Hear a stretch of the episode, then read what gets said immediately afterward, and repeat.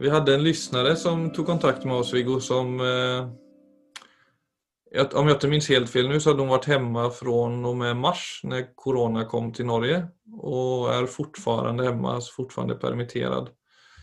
Og så hadde hun fått høre av et fagmenneske innenfor helsevården at det var veldig farlig å spendere mye tid alene. Og det er jo noe som er, eller som veldig mange som befinner seg i den situasjonen gjør. Det er jo en helt annen hverdag enn det man er van vid med jobb og kolleger. Så er man plutselig i sitt hjem og rundt omkring sitt hjem veldig mye. Men den setningen at det er veldig farlig å spendere tid alene, det føler jeg er veldig sånn misvisende og veldig sånn svart på hvitt.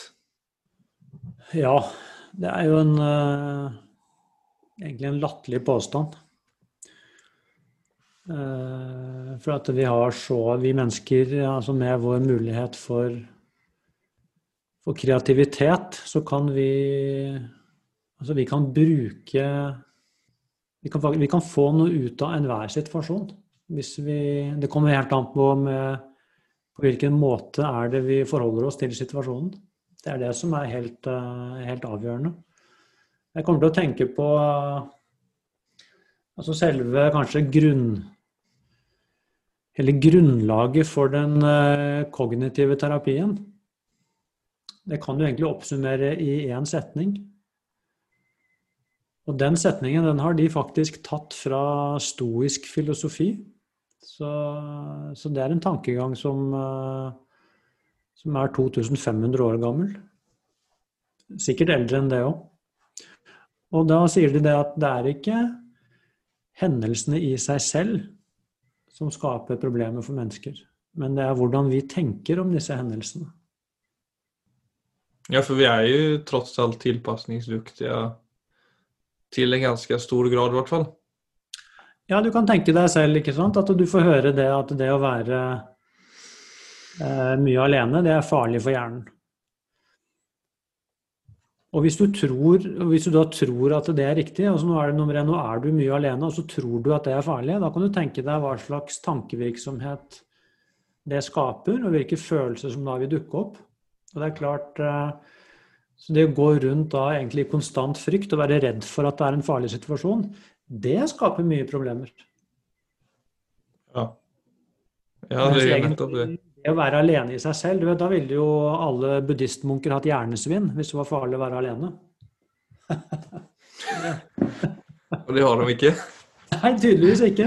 Nei, men det er, jo, det er jo veldig sånn lett å anamme andre sanninger, tenker jeg. Altså det der med at du hører noen Og så er det jo lett å tro på fagpersoner òg. Og det er veldig ofte, tenker jeg, altså uten å være altfor kritisk mot läkare og psykologer og sånt, men det er veldig ofte, opplever jeg, at man, at man får liksom serverat sanningar som ikke, eller som ikke alltså som er en sånn generell sanning kanskje, eller som, som passar in for mange, men som er altfor lite finkänslig. Då. Alltså precis som skolan, at det er ingen, det er liksom ingen one size fits all løsning. Vissa er mer praktisk anleggende, og vissa er, er gode på teoretisk eh, praksis. Og, ja. og så som når du får høre at det er farlig å være alene når du befinner deg i en situasjon som er alene, så er det Du skulle like gjerne kunne fått en annen sanning som er at denne tiden kan du bruke meningsfullt. Du kan lese mer bøker, du kan gå ut i skogen du kan ta tag i intressen som du, som du kanskje lenge har lagt åt sidan Og då, får du, då blir du nesten opplyft av situationen. Alltså utan å si at det å være hjemme fra jobb og være liksom rammet av korona er noe veldig positivt, men det er i hvert fall det er veldig lett å se at eh, det er, det er ofte det som skaper liksom den stemningen eller den tankevirksomheten, om det blir en negativ eller en, en positiv greie. Ja, absolutt. Det er viktig å huske på at uh, det er veldig mye som ikke er forsket på. Det er ikke mulig å du vet, Det å forske på ting, det vil alltid være innenfor uh, altså en liten gruppe mennesker over uh, kort tid. Så det, så det, er selvfølgelig Personlig er jeg jo altså,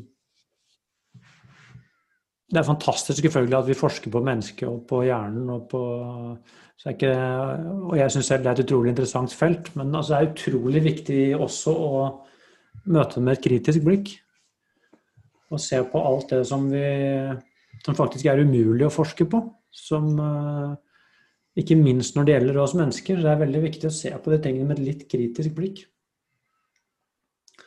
For, ja, for sånn som hennes situasjon, så blir hun veldig skremt. Ja, det skjønner jeg godt.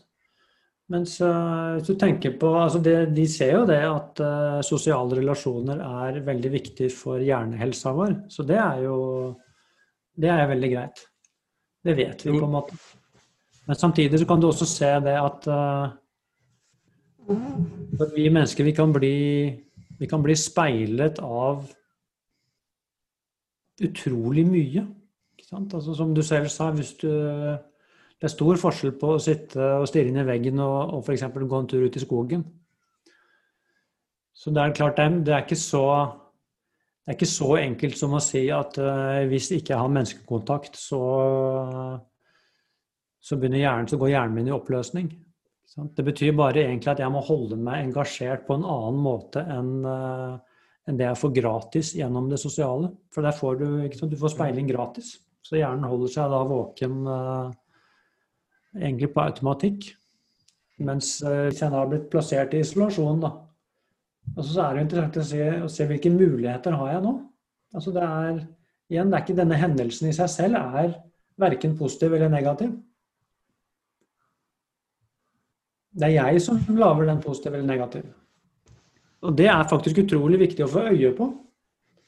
For med en gang jeg tenker at dette skulle ikke vært sånn, det skulle ikke vært korona, eller det skulle ikke vært så strenge tiltak, eller det skulle ikke vært egentlig hva det enn måtte være, så har jeg blitt passiv med en gang.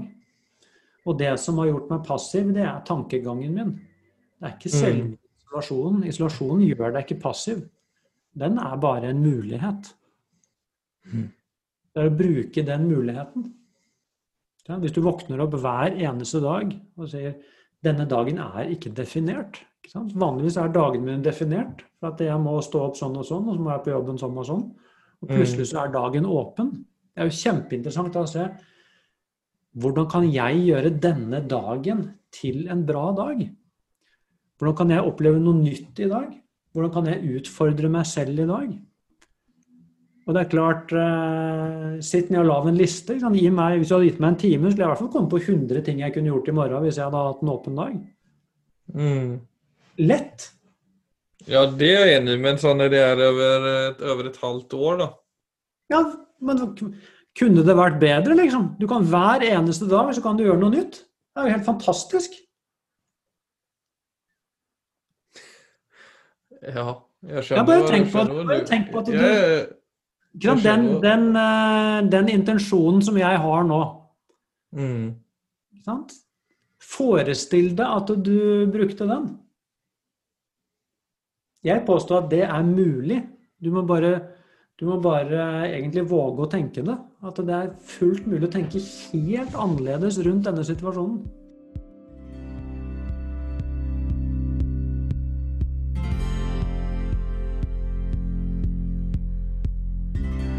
Jeg tror eh, et av de viktigste skal jeg kalle det for noe? Altså et av de kanskje viktigste grunntrekkene ved mindfulness. Altså det, det, er klart det er mye mer enn en teknikk. Og, og det, det, er å, å, virkelig være kritisk. Altså sånn til egentlig alt du tenker og alt du tror på, og ser Hvor har jeg egentlig dette fra?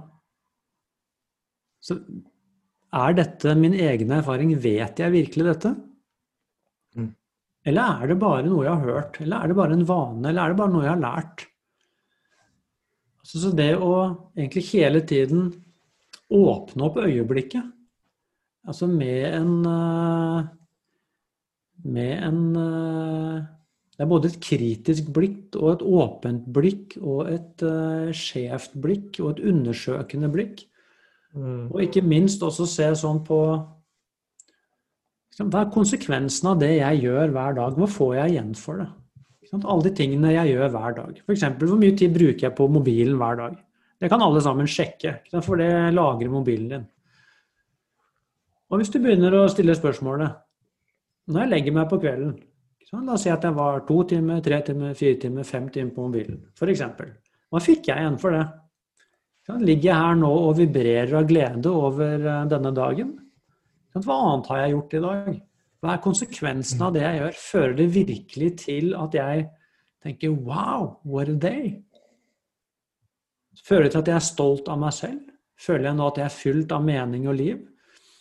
Og hvis ikke det er det, så er det noe med at jeg kanskje skal prøve noe annet.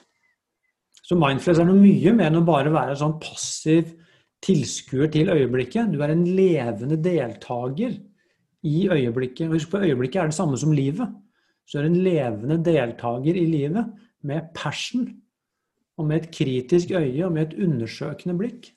Du er egentlig som en, som en vitenskapsmann. Og laboratoriet, det er deg selv. Og det eneste dataene du har, det er konsekvensene av de tingene du opplever. Og da, da, er det ikke snakk om å fortsette å gjøre ting som funker sånn halvbra. Da er det snakk om hele tiden egentlig pushe seg selv og pushe grenser. Og krever ja, egentlig det at livet er Det er noe mer enn en vane. Mm. Ja, men det er jo altså det der å være på en måte konstruktivt til stede. Altså jeg vi var i hytta i helgen og kom hjem i dag. Og når vi var nede, nå jeg og Gitte med, med våre to barn nede ved stranden, så merket jeg det ekstremt tydelig hvor lett påverkad jeg kan være og bli fråntatt det som sker. Alltså för det, imorgon, alltså, jag har ganske mye jobb denne uken, og vi skulle podde i kveld. Eh, og så gikk jeg nere ved, vid strandkanten sammen med min familj og det er egentlig den mest sån inviterande situasjonen til å bare være til stede. Alltså det er på en måte Det skal være en enkel invitasjon til å bare falle til ro i, i det man gjør. Men så merket jeg det hvor hele tiden jobb og ja, f.eks.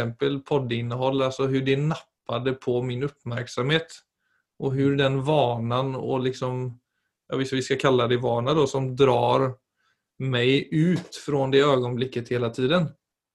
At det blir en sånn, ja, det er precis som det er en sånn konflikt mellom meg og mm. alt som skjer oppe i hodet. Ja. Og det var da det også slo meg liksom alt det der med man, altså som vi gjorde som barn, og hvor lett det var å bare forsvinne. Eller ikke forsvinne, det syns jeg også blir feil ord, men å, men å være til stede på en måte som bare fylte alle situasjoner med så mye spenstighet og så mye liv at, at det å gjenføre det med en tanke er liksom helt tomt. Altså Tanken er på en måte ingenting i forhold til den situasjonen. Og enda som voksen så så sitter man der og underholder seg selv med tanker som bare dreper alt som er framfor øynene på en. Ja, det går an å slutte med det. Det trenger ikke være sånn selv om man har blitt uh, mer enn åtte år gammel. Det, det, er mulig å ta tilbake. Ja, og det er nettopp akkurat gjennom den type refleksjon som du har der. Så det er jo noe med altså det Altså det å være i det friske øyeblikket, det begynner jo faktisk med det du nevner akkurat der, nemlig at man begynner å, å oppdage når man hele tiden går bort fra det. Jeg må først oppdage uvanene mine før jeg kan begynne å slippe tak i dem. Så jeg vil tenke at det er en veldig nyttig oppdagelse og refleksjon du har akkurat der. Selv om du på en måte forlater øyeblikk, så legger du i hvert fall merke til det og ser hva du holder på med. Og så dukker disse barndomsminnene opp hvor du ser det at det hvor hvor enkelt det var. For man, nettopp fordi det var ikke noen tanker om morgendagen.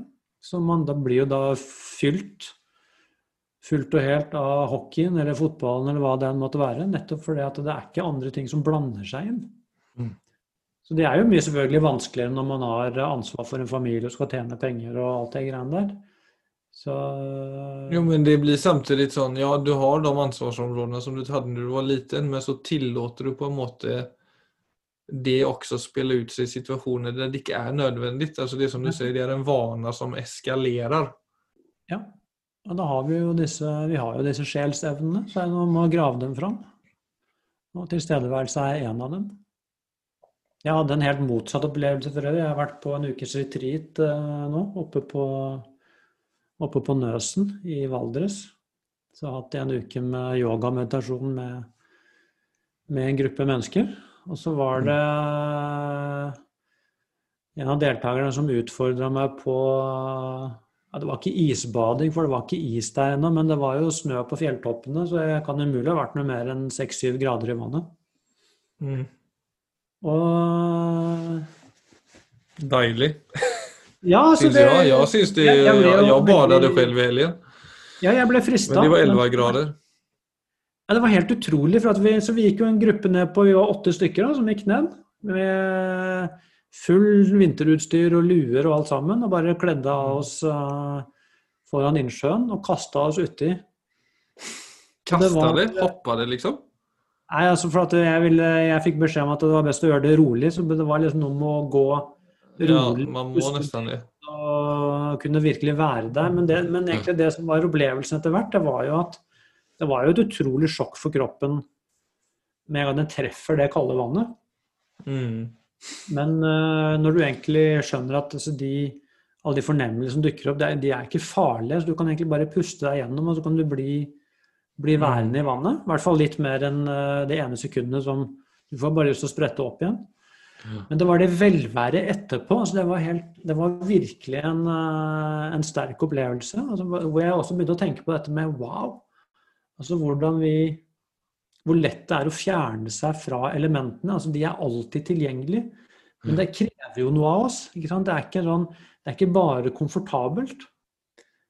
Men det er noe med å gå ut av komfortsonen og være i bruk. Vi har denne kroppen, vi har dette sinnet, og det må faktisk brukes Ja. for at det skal være tilfreds. Og det blir ikke tilfreds ved bare å bli underholdt.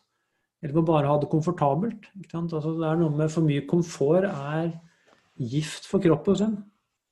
Så det var virkelig en sånn en aha-opplevelse av dimensjoner som eh, Men jeg tenker også tenker jeg på så mye, altså mange muligheter som finnes som ikke vi tenker på engang. Altså for, eh, for livsutfoldelse. Så det er virkelig noe med å med å være litt kreativ og lete etter mulighetene. Og utsette seg for det og erfare nye ting og legge merke til hvordan det er for dette systemet, som jeg tross alt kaller meg.